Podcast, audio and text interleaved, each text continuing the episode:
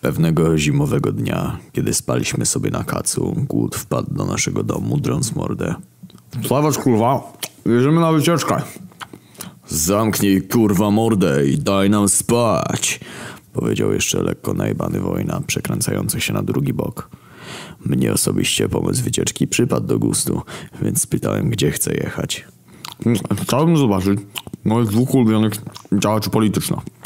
Więc jedziemy do Słupska potem odwiedzimy Białystok. W tym momencie zaraza wstał i zaczął się ubierać, wypytując głód. Na kogo ty chciałbyś zobaczyć? Zobaczycie na miejscu. Spakowałem już nasze rzeczy. Idziemy na pociąg. Raz kurwa! wykrzyczał nasz zawsze spokojny braciszek Żarłok. Pierwszy raz widziałem go tak podjaranego i wkurwionego naraz. Kilkanaście minut później byliśmy ogarnięci i skierowaliśmy się na stację PKP. Ach, polska kolej. To jest pociąg zawsze na czas. Czyste ubikacje i duża ilość kanarów, którzy sprawdzają tych bandytów bez biletów. Podróż nie była taką, która przebiega spokojnie, bo pociągiem bujało tak, że wczorajszy kepsik i łycha chciały wyjść na świat i powiedzieć do mnie Kill me, father! Ale obyło się bez tego.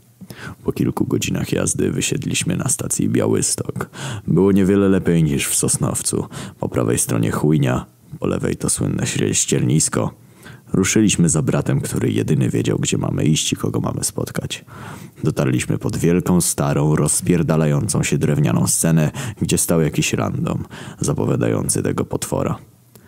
Panie i panowie, przed wami Kononowicz Krzysztof, kandydat na prezydenta naszego miasta.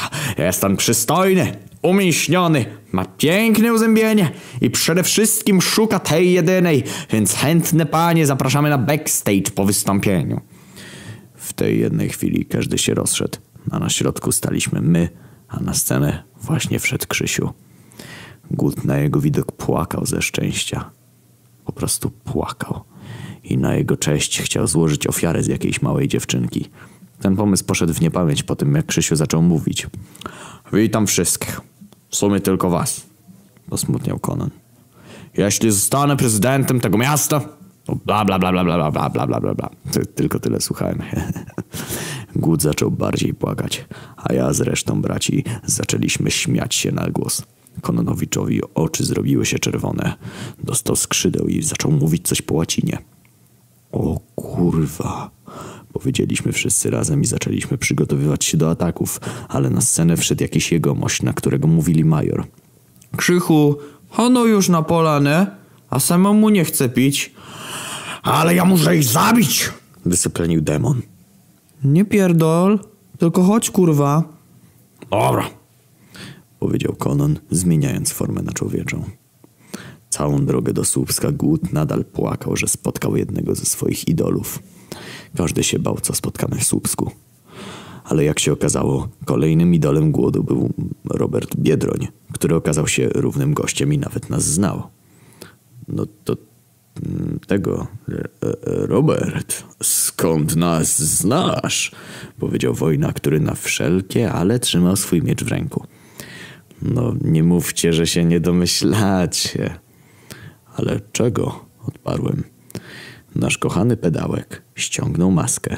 No jak myślicie, kto to kurwa był? Jezus? Wydukał zaskoczony zaraza. Głód posmutniał. Wojna schował głowę w ręce, a ja szukałem w jego barku jakiegoś alko. A zarazem mówił dalej. To ty jesteś homo? Ale jak? Syn Boży? No co was pojebało? Taka przykrywka, żeby nikt nic nie podejrzewał. Rucham od kilkuset lat Marię Magdalenę i nagle miałbym zmienić orientację? No kurwa, chłopaki.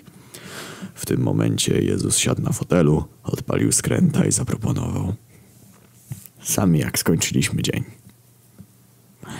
Gut do tej pory jest wkurwiony na Jezusa za udawanie jego idola.